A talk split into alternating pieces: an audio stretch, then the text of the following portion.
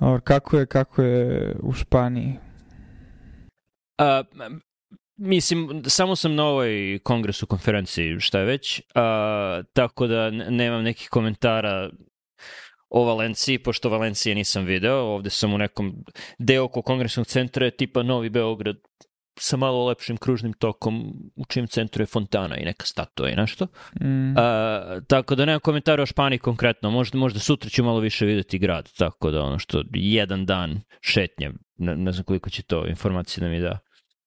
Mm. Ali mi je, mi je palo na pamet dok sam sedeo, slušaj, A, dok sam sedeo, slušao sam predavanja, mislim malo je manja konferencija, oko hiljadu ljudi, je nije kao Esko ili Ješa, ali je dosta velika sala, pošto su sve, sva predavanja su u jednoj istoj sali, nije kao Esko i Ješa, one male sale sa po 50-100 ljudi, nego su svi u jednom. Uh, I, i o, setio sam se ono kad sam išao, ne sam, posljednji put sam bio na Ješu, ono 2019. kad smo išli zajedno u decembru 2019. Aha, kad smo bili cimeri.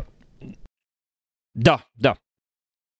I, i sedim, ne, nismo, nismo bili cimeri, ne. Bili ti, si, ti si odvojeno bio, ja sam bio cimer sa Markom, ti misliš A, ne, na Atlantu 2018. 2018, da, da, da, da, 2019. Pomešao si, pomešao da. si. I ovo je bilo u Orlandu. Da, na prošlo vreme. I, mhm, I, I sediš onako na onim uskim stolicama, red ispred tebe je dosta blizu i Uh, ne znam, verovatno imaš laptop u krilu gde hvataš beleške i možda proveraš mail i šta god i u jednoj ruci držiš kafu, u drugoj ruci držiš telefon kojim ono, snimaš slajdove dok osoba priča i, i, i pomislio sam ovo je u stvari idealna situacija za Apple Vision Pro. Zato što, zato što možeš da, da gledaš predavanje, i možeš da snimiš, ono, uslikaš ili snimiš video ako, ako, je, ako priča neko koga znaš i hoćeš da mu pokažeš, e, kako sam bio, evo, vidi, vidi iz moje perspektive kako si bio. Ili fotografiju slajda možeš samo klik i uzeo si, a da ne, ne izlačiš telefon iz džepa i da se laktaš sa ljudima koji sede pored tebe i da prospeš kafu, šta god. I u isto vreme hvataš beleške sa strane i opet ne skrećeš pogled sa, sa slajdova i sa osobe koja govori, ili ako, ne znam, obično neka referenca ili nešto spomeneš što hoćeš da skineš, proveriš, to možeš da radiš dok i dalje kričkom oka pratiš slajdove. E, I da, mislim, ona virtualna tastatura je loša, ali možeš ovaj Apple Magic Keyboard, Bluetooth tastatura koja je lagana i on neće da se polomi ako ti padne, za razliku od laptopa i ekrana. To možeš da držiš u krilu i tako da kucaš. Tako da je to, da nije stida i srama nošenja naočara u javnosti, idealna situacija za, za Apple Vision Pro. Što stidiš šta misliš? Šta fali? Hm? Pa, šta, mm, šta fali? Kad, kad budem išao, ako budem išao na Ash ove godine, o, svečano obećavam da ću poneti i koristiti u toj situaciji. Ali ne, sad, zato što mi je to palo na pamet jutro, sa ostali, mi, ostali su mi na očaru u hotelu. Tako da to je jedan razlog. Drugi razlog je, i ovo je ozbiljnije, Uh, ona torbica za Apple Vision Pro je dosta kabasta i to da nosim sa sobom, morao bih ceo ranac da nosim i to je ono, logistički malo je teže nositi naočare od laptopa pošto su ono kabaste. Osim ako ih ne nosiš stalno za vreme konferencije, što je mm. opet. To je razlog da se šetaš sa naočarema na, na glavi, zato što ne možeš da drugde da ih staviš. Mm. Ali misliš da ima nekih problema u tom, u tom konceptu i u, tom, i u toj upotrebi? Pa zato sam malo ono ironičan, zato što verujem da anticipiraš. Ali podsjetit ću te na našu prethodnu konverzaciju ili pre dve konverzacije um, koja se ono dovezuje, ali slippery slope i to kako si inicijalno rekao da, destruktivna tehnologija, ali eksternaliteti nisu toliko problematični, ovo je nešto što ćeš samo koristiti u kući a, gde je ono prošlo koliko, malo više od nedelju dana i već pričaš o tome kako bi možda mogu na konferenciji da nosiš i onda sledeće rečenice mogu bi na ulici da nosiš, što da ne. Hoćeš da kažem pa ne, kako se tvoj horizont, ulici... horizont potencijala drastično A. promenio nakon što si počeo da koristiš samu napravu. Ne, ne, ne pratiš, ne pratiš. I to niko nije ni spomenuo. Mislim, par ljudi je lajkovalo na Twitteru, ali niko nije spomenuo problem sa tim mišljenjem uh, direktni problem od slippery slope-a i argument zašto to verovatno ne bi funkcionisalo. Da, da li ti pada na pamet nešto? Pa mislim, jedan razlog je da si tu da bi bio sa ljudima, mislim, tako da možeš i od kuće da ono gledaš i da praviš screenshotove na laptopu. Uh, Ne. Mada, Ne, ne, zato što je argument da ako hoćeš da postaviš pitanje, možeš da postaviš pitanje samo ako si tamo. Ignoriš te ljudi ako radiš hibridni sastanak, a i hibridni sastanci, ono, virtualni sastanci, i sam si da iskusio kad je bilo ono godinu, ako dve. imaš tu stvar na glavi, iskreno. Ne znam. Pa to je prednost. Ja bih čak rekao i da je prednost što ti je malo uže vidno polje, jer ti onda ne smeta perifernom vidu oni ljudi koji se šetaju po, po hodniku i po redovima i to. Znači, možeš da budeš fokusiraniji na ono što se dešava na pozornici. Mislio sam Mhm. na direktni, praktični problem, Mhm. a to je da osim ako ne sediš u prvom redu, imaćeš problema da, da čitaš stvari sa slajdova ako gledaš kroz pass-through uh, video na naočarama jer rezolucija nije tako dobra i naročito ako si na, ako si na nekoj promo konferenciji ili ono TED Talk gde je slajd, samo neka velika fotografija ili jedan ogromni citat, to nije problem. Ali znaš kakvi su slajdovi na, na Ashu i Asku, ono, mi, minijaturan font i ono, flow, diagrami koje jedva vidiš iako imaš 20-20 uh, vid i oni minijaturnim slovima napisani citati gde mislim da ne bih, da sam poneo, mislim da ne bih mogao većinu slajdova, dve trećine slajdova da, da pročitam uopšte, jer rezolucija i dalje nije tako dobra na, na pass-through naočarima, tako da mislim da je to veći problem. Ne znam, ovo i dalje, Od- barem sa tehnologijom kakva je sada, spada u, u, u kategoriju problema koji da li uopšte ovo treba rešavati i da li ga treba rešavati na ovaj način, jer ono, bio sam na par konferencija, a, tipa GI Asko prošle godine, um, oni su imali, znači, ako imaš ono, pristup njihovom web servisu, da u toku samog predavanja imaš direktni stream slajdova, ne čak samo videa, nego ono, bukvalno samo slajd.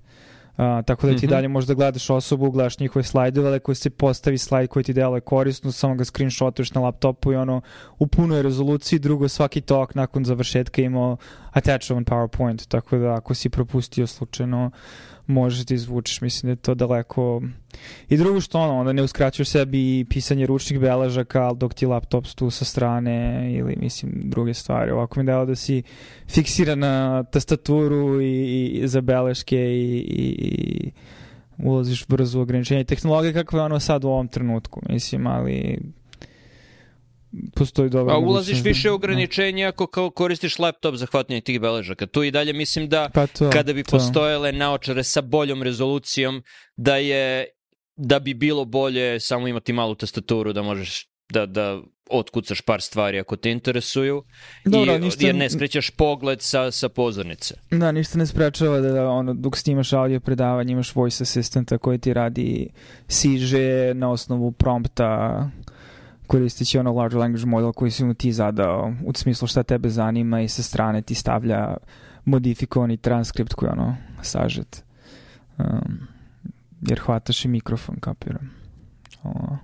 Uh, a misliš za AVP? Da, da. I Mislim, da, i onda pitanje- recimo i na AVP-u onda imaš ono, bukvalno pogledaš rečenicu koja ti je u tom, um, znaš, jes- jesi, jesi čuo za onaj Liquid Notes ili ti si ga možda čak i koristio ili kako već, ili nešto slično tome? Da, odavno, ali nisam bio nešto oduševljen, Ali- više, mislim, bolje je bilo u teoriji nego u praksi. Da, da, ali zamišljam, zamisli sad situaciju da imaš sa strane ono, pod znacima navoda uživo transkript, jer ono, large language modeli su sada na tom nivou, mislim GPT, ono, kad ga na telefonu koristiš, prilično je real time, um, i mislim da sve više više čak i televizije, ono, uživo prenose koriste sada to, nego da ljude koji kucaju, ali jer zamisli da radi to, a da pritom u isto vreme ti pravi siže strukturisano u smislu Mm. ovo je studija, dizajn, ovo su bitne stvari i ti pritom kažeš ono, posebno ako te zanimaju neki, ne znam, correlativi, explorative endpoints, a, da njih podvučeš i onda recimo dok ti to tako ide sa strane, samo pogledaš, recimo s leve strane lupam,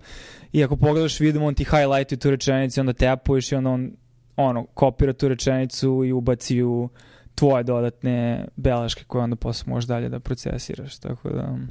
Uh, kao nešto što je moguće u da li bliskoj, da li srednje dalekoj budućnosti možda, mislim da trenutno nije, nije i dalje na A, tom, ne znam, mogu na da tom vidim nivou bukvalno za tehnologija. godine može tako nešto da se desi. Pa to, bli, bliska budućnost da, ali Ugotovo ne ako Apple sada. bude imao on device svoj ono, LLM koji je dovoljno dobar. Bi- Pritom diktat na iOS-u je drastično bolji od, od novog iOS. Ne znam da li si primetio, ali um, no, mnogo pa, bolje. u poslednje vreme vi- više koristim ovaj Aiko i, i Whisper. Nisam, nisam video kakav je Siri, ali verujem. Mislim, zašto ne bi bio? No. Problem koji vidim je naročito na međunarodnim konferencijama, mislim, trećina, četvrtina ljudi koji su pričali e, imala je, e, engleski im je bio maternji jezik, većina Aha. drugih imali su naglaske, što jače, što slabije. Uh, Whisper je dobar u transkripciji, je, znači može da prepozna jezik, ali ne znam koliko je dobar u naglascima. Mislim, moj srpski naglasak prepozna i dobro transkribuje, ali ne znam, malo jače španske, italijanske, naročito nemačke, zi. Uh, ne, ne znam koliko bi dobar bio u, u razumevanju tog e, euro-engleskog. Mm. Dobro, počeli smo pričamo o konferenciji Španiji opet pričamo o Apple Vision Pro treći put. Jel imaš još to neki će biti utisak? dug razgovor. Da, to je, to je E, razgovor za vekove, da, da, okay. O, pa ne za vekove, ali daj, daj bar par meseci dok se upoznam sa, sa proizvodom. Nije to kao da kupiš novi telefon i ljudi znaju kako telefon funkcioniš i samo kažeš da, ima da, bolju da. kameru, bla, bla, bla. Ovo su, mislim, potpuno novi. Znam da ljudi tvoje generacije nisu iskusili to u svojim životima, jer ti kad si odrastao, kompjuteri su već bili tu. PC je tu, laptop je tu. Uh, ovo je meni drugi put da to vidim, jer kad sam počeo da, da, da se interesujem u kompjutere, ovo, 286 je bio kraj, deve, ne, kraj 80-ih, početak 90-ih, to, to je bilo. Tako da sam tada video koliko brzo može da napreduje. Uh, I sa, zato, zato sada iščekujem koliko će brzo da napreduje ova tehnologija, da li će Apple to da radi ili Meta, Facebook ili kogod, mislim, to, to, to mi nije toliko bitno, ali za- zanimljivo je pratiti. Mm. Uh, da, ni, ni, ništa, ajde da ostavimo to za ono, sledeću nedelju. Ali ovo putovanje, mislim, ovo mi je prvi put da putujem e, preko Atlantika od 2017. I ono, par stvari se desilo umeđu vremenu i stvari su se promenile. E, I odvikao sam se od nekih stvari vezane za ta, ta me- međunarodna putovanja. Jedno od glavnih je što sam zaboravio, zaboravio sam, znači nije mi uopšte palo na pamet, nisam o tome uopšte mislio, da, da se u Evropi koriste druge utičnice za struju. Zato što Ja. čak i 2017. kad sam išao, putovao sam u Srbiju gde ono, imam sve te konvertore i nis, nisam uopšte razmišljao o tome i ne znam šta se desilo. A, tako da sam došao ovde i nisam mogao ništa da utaknem ni u šta i sad sam ono 35 evra siromašni za neki ogromni konvertor koji će mi prebaciti bilo koji ono UK, Australija, Amerika Da. i Evropa utičnicu u bilo koji. Tako da neću više morati o tome da mislim i to ću da stavim u torbicu gde su mi svi kablovi i, i neću, ali, ali vidiš neiskustvo. Druga stvar koje, koju, na koju sam zaboravio je, malo, malo sam se uh, odvikao od sporog interneta čak i u hotelima. Jer, uh, bar u, u, u Americi, ako ti je loš Wi-Fi u hotelu, što se dešava često, obično je ono, mobilni, dobro pokriveni, imam hotspot i neograničeni 5G internet, tako da uopšte ne razmišljam. Presto sam da razmišljam o tome i presto sam da razmišljam o, i, i navikao sam i na ono, dobar internet u avionu, čak. Tako da sam prestao da razmišljam o skidanju stvari unapred. Naprimer, filmova, serija, video snimaka i trebalo je toga da se setim. Sad mi je malo žao što nisam skinuo gomilu filmova i serija na Apple Vision Pro, vratili smo se tome, jer je, jer je presporo. Znači, sad sam stavio sam u pozadini da skida ono Silo bar da završim, koji je ok serija. Uh, ali sumnjam da će, da će mi biti, sumnjam da će se sve skinuti na vreme za on, put kući, tako da tako da ću morati da, da nadam se da neću da završim knjigu pre leta, ponao sam dve knjige, uh, pre leta jer ću, ću sigurno morati da čitam umjesto da gledam neki film ili seriju. Šmrt, šmrt. Da. I treća stvar na koju sam Ne, ja sam zaboravio... mislio da ćeš ti da testiraš Apple Vision Pro da budeš produktivan u avionu, da radiš na laptopu, ne gledaš serije, šta je ovo?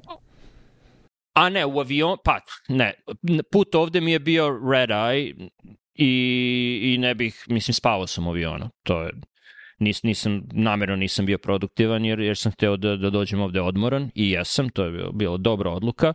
Vidjet ću kad se vraćam. Mislim da ću moći dosta stvari da završim u avionu što se tiče kucanja, pisanja. To će biti okej.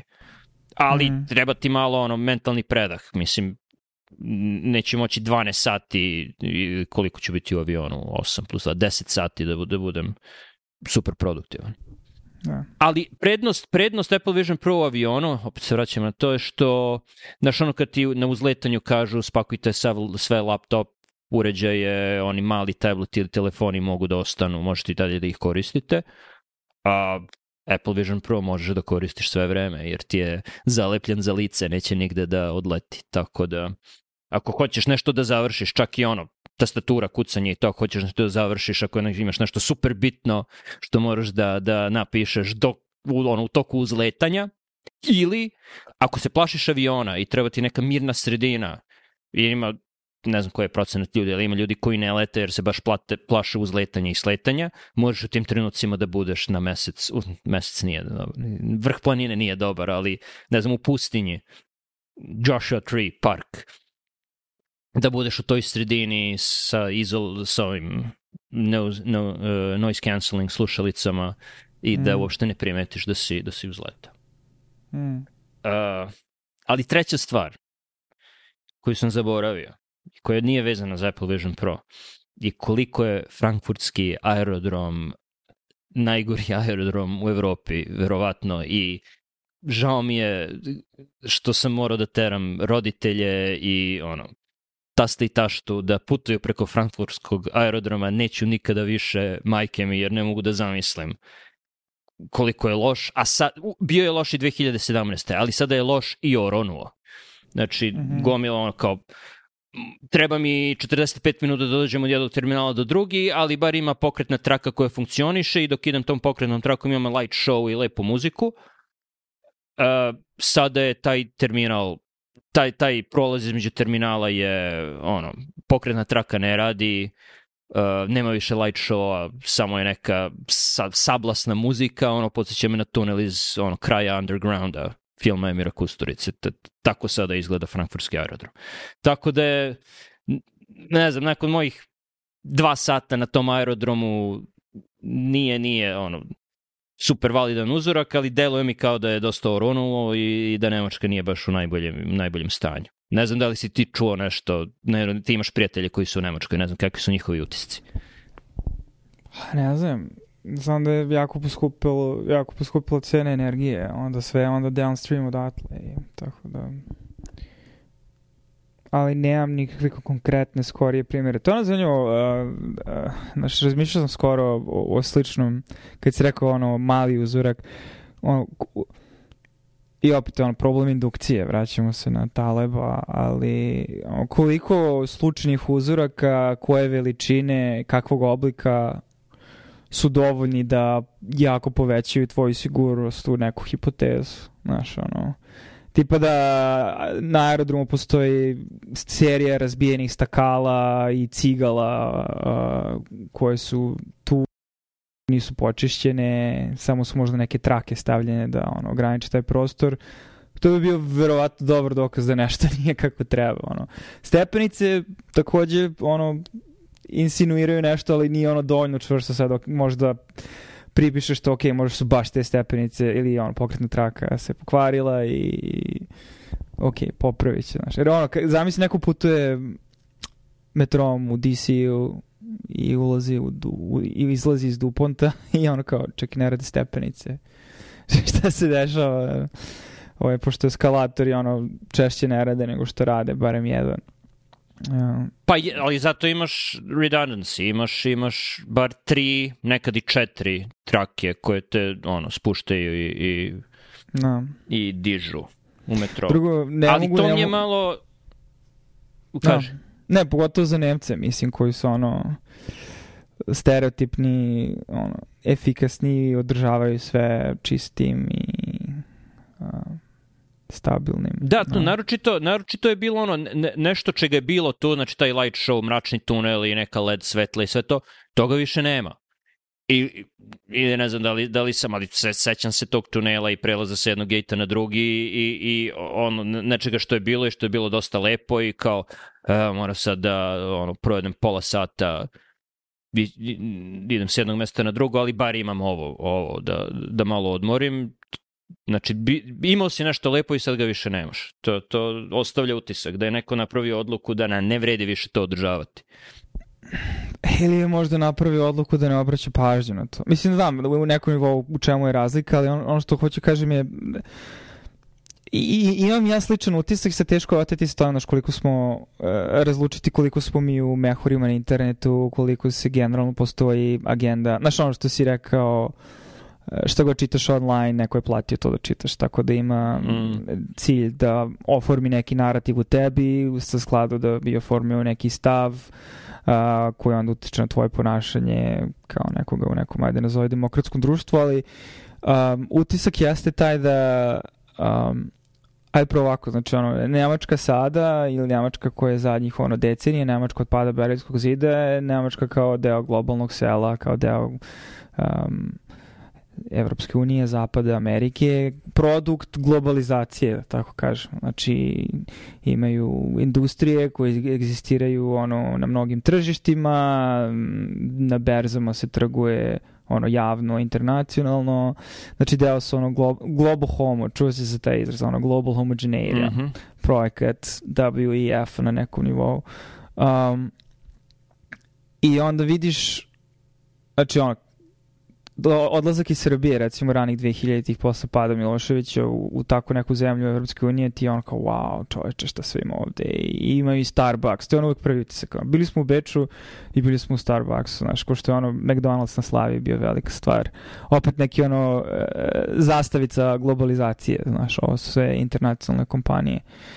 I onda zanimljivo sad taj trenutak da, ako ovo stvarno jesu indikatori, ima ih sve više, znaš, da li su ovo samo ono naznake budućnosti, šta znači globo homo, u smislu sve će biti tako, ono, polufunkcionalno, na momente se nešto gradi pa se brzo razgradi ili brzo propadne i, i tako fluktuira. Uh, I onda imaš sad paradoks da u Srbiji, pošto se investicije idu u smerovima koje idu, ne pričamo o celoj Srbiji, mislim nego konkretno u Beogradu i centru Beograda, na momenti ti Beograd dela kao da je ono, uh, par godina napred u odnosu na neke druge stvari samo zbog tog neodržavanja, da tako kažemo.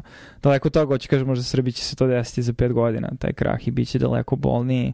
Ali jedan od momenta jeste taj da um, odeš u restoran u Srbiji, recimo 2000-ih, i ono, klasičan stereotip uh, konobar, ono, moraš da ga zoveš, vičeš, dođi, bezobrazan, znaš, ono, mislim, klasični stereotip, ono, uslužne delatnosti, sve kažemo, kafane. Uh, I onda recimo odeš u neku zemlju zapada, pogotovo Ameriku i ono konobari ti sipaju vodu non stop, pitaju kako si, kak, kako je bio obrok, daju ti preporuke ti si ono kao wow šta je ovo, znaš. I okej, okay, znači da plaćaš za to ono cenu uh, očekivanog bakšiša. Uh, I sada dolazimo opet u inverznu situaciju gde u Srbiji se uslužna delatnost dramatično promenila u zadnjih par godina, mahom opet zbog priliva uh, nekog kapitalističkog mindseta, da tako kažem, i ljudi u Srbiji sada češće daju napojnice, pogotovo što dosta ljudi u Srbiji koji izlazi po restoranima, pogotovo po Beogradu, su ljudi koji su na ovom ili novom, na ovaj ili onaj način iskusili um, ono, ostatak zapada šta god i onda tu kulturu na neki način vratili u Srbiju, kao da je normalno da daješ napojnice koji su više od par posto. Znači nije ono kao dam ti kusur, ono, zadrži kusur, znaš, do, do, do punih hiljadu, šta god, ono, zadrži 30 dinara, 50 dinara nego je više.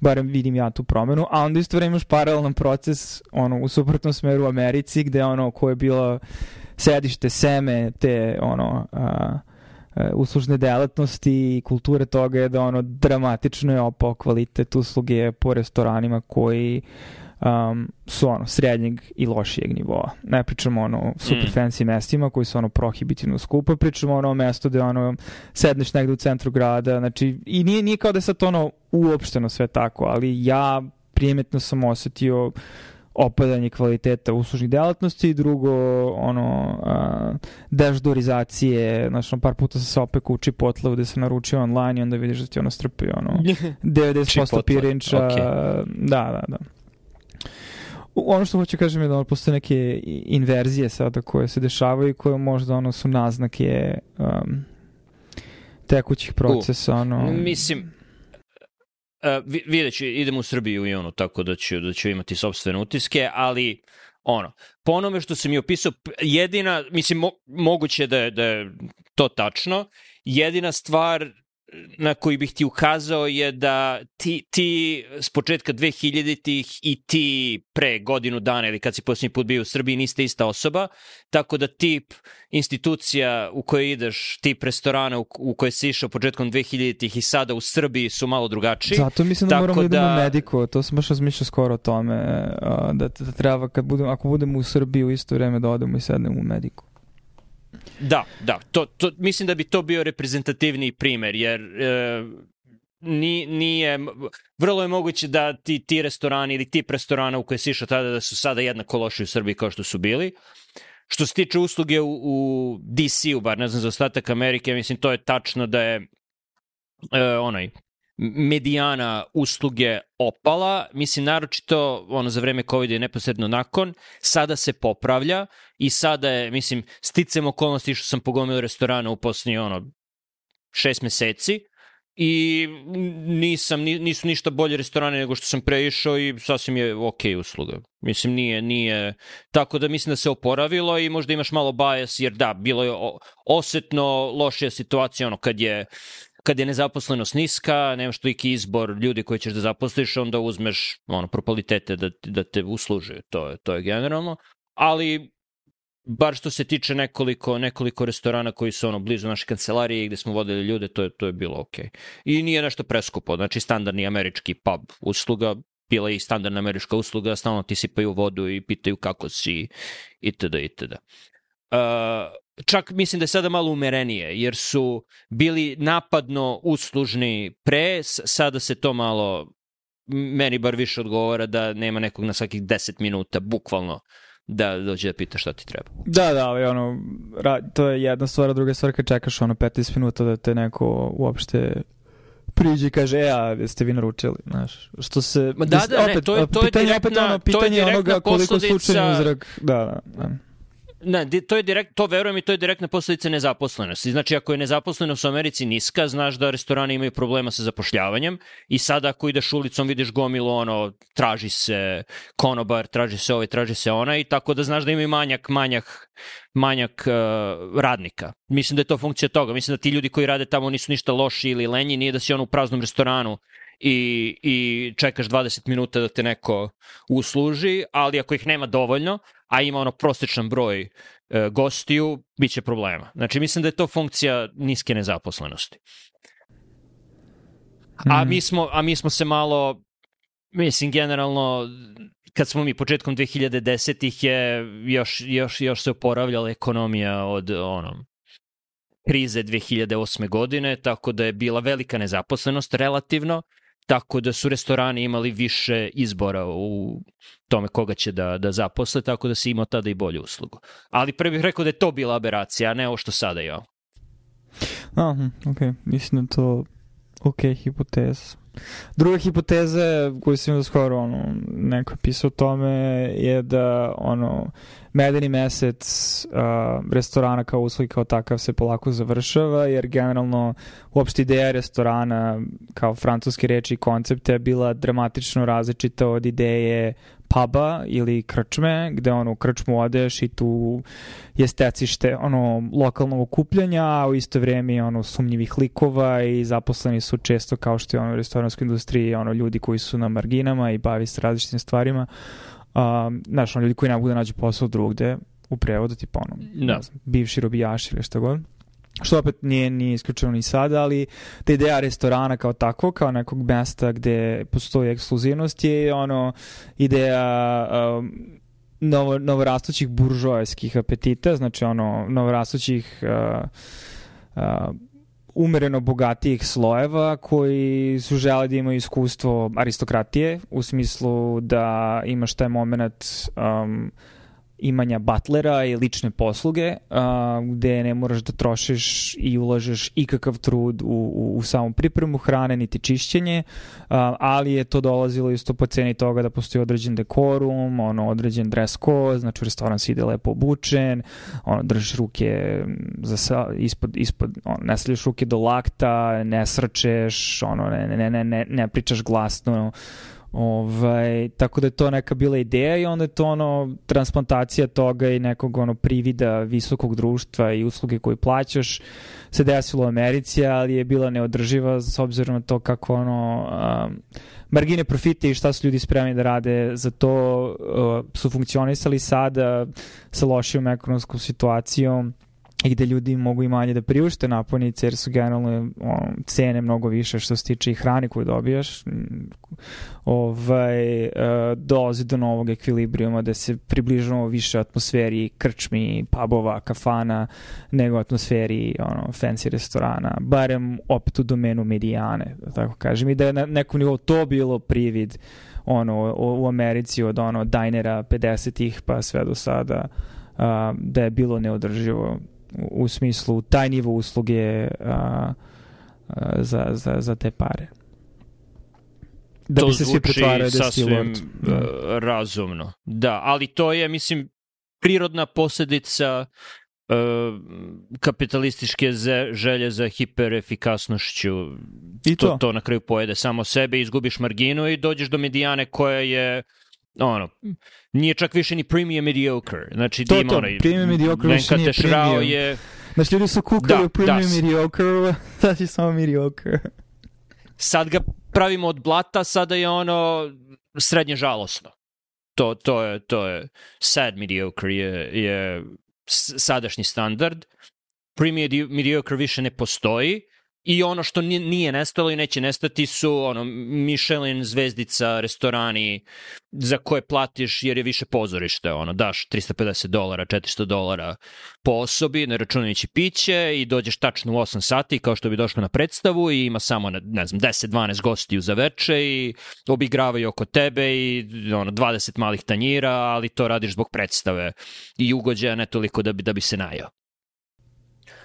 Mm. Ali sa druge strane, čak i taj srednje žalostni, mislim srednje žalostno je što se tiče uh, usluge, ali kvalitet hrane je isti, ako ne i bolji, kvalitet namirnica, ljudi više pažnje obraćaju na ono, uh, da ima više povrća, da ima čak i standardni američki restoran će imati, ako ništa drugo nego prokelj, prokelja nije bilo u restoranu pre 10-15 godina, to se popravilo, asparagus je standardan sada, nije bio, ima se samo ono burger i, i, i pomfrit. Mislim i sada te zatrpavaju pomfritom i ono, ako, ako se pitaš zašto su Amerikanci gozni, to je zato što gađaju te pomfritom kad uđeš u restoran. Uh, i to, toga ima i dalje, ali, ali je kvalitet hrane sasvim ok. Mislim, mislim da o tome nismo, pričali smo usluzi, ali nismo pričali o kvalitetu hrane. Kad jednom dobiješ hranu, čak i u tom restoranu sa malo slabijom uslugom, kakva je? Kako, kako je tvoje iskustvo kad, kad jedeš to? ali ovo je sad ono relativni moment Uh, kao dru, drugi, drugi sam ja bio, al tako? Ove, pošto mm. ono, A, sad, tvoj, da, be, da, da, da, da. Bez lažne skromnosti, ali ono, kad dođeš u situaciju sada za veliku većinu mesta ono, jer ono, ti možeš sam da kupiš ribeye steak i da napraviš bolji ribeye steak nego da naručiš steak u restoranu koji će ono biti neki loši, loši odrezak, loše kvalitete, tako da na samom tom mestu čak i van same tehnike uh, a onda van toga, znači, ti imaš mnogo veću kontrolu na time šta kuvaš. Tako da ako uđeš u medijanu restoranu u tom smislu, uh, mahom ulaziš zbog usluge, u stvari, ono što sam shvatio. I onda, jer, ako, jer ako se, ne znam, nadaš nečemu, nekom otkrovenju u smislu hrane koju ćeš probati, um, razočarat ćeš se. Ali opet to ima veze sa apetitima i, i iskustvima. Postoji samo toliko, ono, New Amerikana restorana koji možeš da uđeš gastropubove ili šta god pre nego što stvari počinju da budu sve više i više slične. Mislim, ono, ista varijanta smashed burgera, o, da. bison beef burgera, mislim šta god, ono, znači fritata, kesadilja, ono, neki uh, ono, zapadnjački spin nekog etničkog jela koji ono kao ok, pržen u nekom dubokom ulju sa dosta čedra i šta god, mislim. U, to, je, to je tačno. Standardni američki restoran je što se ti nazvao gastropubom i što oni sebe zovu gastropubom. Da, to je generalno, mislim, ne prave ništa što ti ne bi mogao kod kuće da napraviš i slažem se, tu imam istu filozofiju, idem u restoran gde ću uzeti nešto što ne mogu da spremim kod kuće. Bilo da ono nemam opremu ili ne umem, ili predugo traje sa previše koraka i ne mogu time da se bakćem zbog toga Tako da, na primjer, etno restorani ispadnu, mislim, američki etno, da li je indijska, da li taj, da li ova ili ona, koja je malo komplikovanija sa začinima koje ne kupujem standardno, mada i to znam da ti tu imaš ono uži opseg stvari koje bi ti tu jeo u restoranu jer kući praviš više tih stvari ili nešto za što ti treba celi dan da praviš, ne znam, paelja ili tako nešto.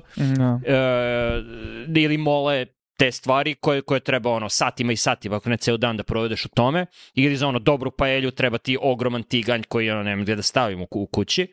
Tako da takve stvari ono, jedeš u restoranu. Ali bilo šta što služe ono, standardno američki, da, dobar je kvalitet, ali možeš isto to ako je najbolje kod kuće i čak sa, sa boljim pivom, pošto ako odeš da. u taj gastro pub, taj pub deo je gomila, znači milion varijanti IPA koji svi imaju isti ukus i previše su gorki i ono, ne, ne, ne mogu više da, ni da pijem. Ne, nemaju nikakvu raznolikost u, u izvoru piva, generalno.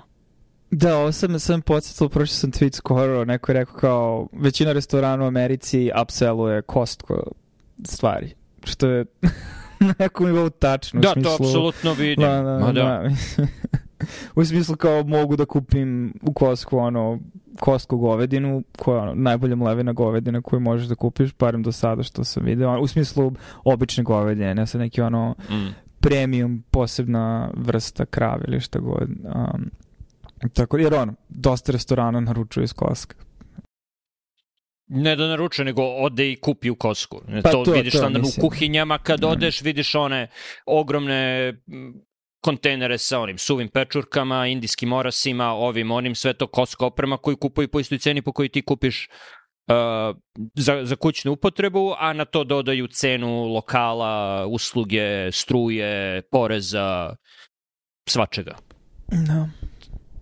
Tako da tu si u pravu, Kos, Costco je pomalo i ubica tog ono, fast casual, ni, Pa nisko, nisko budžetnih ubica restorana. u tome ukoliko, znači postoji ono ako se pokuša napraviti neku formulu u glavi, ali možemo nađemo stvari koje ono direktno koreliraju ili inverzno koreliraju, ali direktno koreliraju sa znači Costco kao ubica toga direktno korelira sa sposobnošću prosečne osobe da sama napravi sebi nešto ekvivalentno tome u restoranu uh, i opet inverzno korelira sa nivom samoobmane koju smo ono uslov, kojim smo uslovljeni društvenim ritualima odlaska u restoran i koliko je taj fast casual bio normalizovan, barem kad smo mi počeli residency, onda ono, kao svi idu u restorane i onda kao niko nema vremena da kuva i onda kao niko ne zna da kuva i onda se cijela jedna generacija, pogotovo u Americi sa ono porodičnim strukturama gde ono napuštaš kuću odmah u koleđu, nemaš previše kontakta s porodicom, tako da gomila tih nekih veština koje su se generacijski znači prenosile ono kroz porodice to, to je presečeno znaš on, i, ono, i onda ako, ako ne želiš da uložiš trud da sam i mislim u toj situaciji gomila ljudi moje generacije znači i, skoro smo bili kod prijatelja i ono najveća barijera e, njih, njima svemu tome, znaš, ta, ta inicijalna barijera, to je sve previše komplikovano, ja hoću da pravim nešto, ali ne bi mogao, to je previše truda i potpuno se to razumem, jer je to ono inicijalno i moja barijera bila jako dugo i mislim je ključna stvar meni je bilo ono uslovi covida, dosade i onda postepenog izlaganja nečemu i drugo inicijalna neka motivacija da ti je stalo do hrane, jer ono, volimo da žderemo, mislim i ti voliš. I onda ovaj, kad imaš kombinaciju toga i ono dovoljno nekog praznog prostora da se igraš sa nečim i da ono I drugo, ono, YouTube pričali smo to više puta i znači, mnogo, Mm. mnogo, mnogo je prečica napravio i razbio te neke iluzije šta je stvarno teško, šta nije stvarno teško i, i onda dođeš u situaciju da ono, možeš da premostiš to sada mnogo lakše nego ikada, ali dosta ljudi i dalje ono isključeni iz toga samo zato što to nije nešto, što je nova veština kao i sve drugo, mislim, ono, uh, i zahteva, znaš, ok, moraš, i to je sad ono moment, ako hoćeš, ti hoćeš odmah, ne znam, da praviš fo, i on, ali onda za to ti treba, No. znači, neko iskustvo ono pravljenja brotha, i, bar da imaš neko iskustvo, znači, pravljenja različitih vrsta supa, da imaš iskustvo sa različitim vrstama nudli, da znaš koje su za to, sa različitim vrstama začine i da li koristiš star anise, da li ne koristiš. Znači, mislim, hoću kažem, postoji mnogo segmenta svemu tome, ali ne moraš odatle da počneš. Ono, prva stvar je ono, kupi dobar kuhinjski nož i onda i, i, i secka dosta luka i, i onda sve, sve, sve je nizvodno od toga.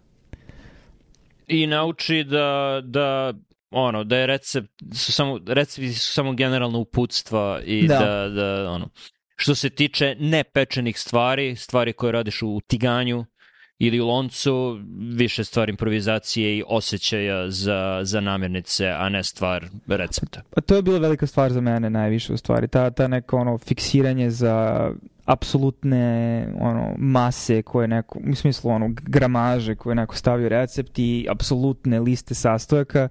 Zato mi Kenji bio cool i uvek kaže ono ovo može to odokativno ovo može da se zameni ovo je promenljivo ove stvari su manje promenljive jer onda menjaju suštinu jela ili ne znam ne možeš da koristiš ovo meso zato što ima mnogo više vezanih vlakana i drugačije se procesira od ovog mesa koji nema ali onda razvijaš neke smernice i više su onda heuristike nego što su ono apsolutni algoritmi, da tako kažem. Mislim da je to dobar model u stvari, da. Mm. Bio sam samo u jednom restoranu do sada, u, mislim sinoć, ovde u, u Valenciji i bilo je jako čudno, jer ono, šetaš ulicom, jedan restoran do drugog, šest popodne uveče, mislim, pao je mrak skoro, sve zatvoreno, nije, nije mi bilo jasno. Pit, pitao sam druga iz Španije koji nije bio tu sa mnom, ali na Whatsappu šta, šta se dešava, zašto je sve zatvoreno. Nije, nije ni on mogao odmah da mi kaže koji je lokalni običaj u Valenciji, ali pretpostavio je da je u pitanju ono pauza i da će otvoriti uveče da, i, i da, u, u 7 sati svi restorani su bili otvoreni. Ali mi ta pauza od 1 sat nije, nije bila, od 2 sata, mislim od 5 do 7 sve bilo zatvoreno. Što je u Americi bar to, to je glavno vreme kada restorani rade, jer tada je pa happy dobra, hour i dolazi pet, gomila ljudi. To za, ali to je zato što se drugačije jede. Drugačije, zato što u Americi ručak i večera su ranije nego u Evropi. Mislim da je to ključna stvar. Da, to, moguće da si upravo. Počeli smo večeru u 7 u praznom restoranu, dok smo u 9 sati završili, restoran je bio pun. Tako no, da, da. No. Pitam se koliko toga je zato što Španija u stvari ne bi trebalo da bude u centralnoevropskom vremenu i, i da je da. približnija no. britanskom vremenu i da bi trebalo da, da vrate sat, jedan sat unazad. Ist, da, isto. Mislim, jer, jer ljudi, ljudi prate svoj biološki sat, a ne, a ne šta im kaže ono, sat fizički. Da, da, ima i toga sigurno. Pogotovo ono na leto, mislim, kad je ono u 7-8 uveče i dalje dan, mislim, na, u Španiji. Da, Da, ne, ne, ne bih znao, nisam dugo bio, nisam dugo bio u Španiji leti. Ali ću sutra bar da vidim kako izgleda centar Valencije i nešto što nije Novobeogradski blok.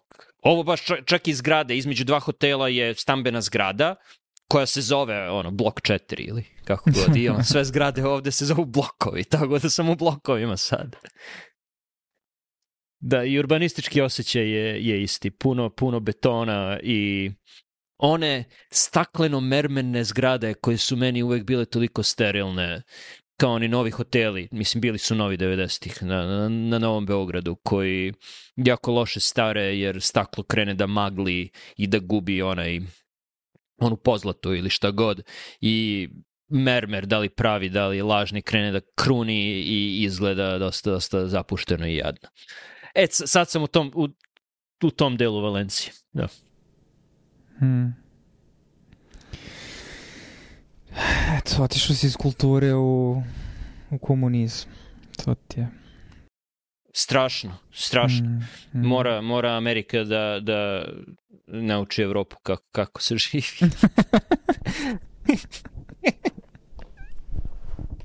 to je ono, na osnovu jednog dana u Španiji, to ono, znaš, kao ono slepac koji probu slona, vidu slona, znaš, ono, to... kao, je, Da, da, ne znam ništa, ali imam jaka mišljenja po da. pitanju zemalja koje nisu Amerika. Kako lako postaneš uh, ružni Amerikanac, turista. Da, da, da. Užas. Da, da.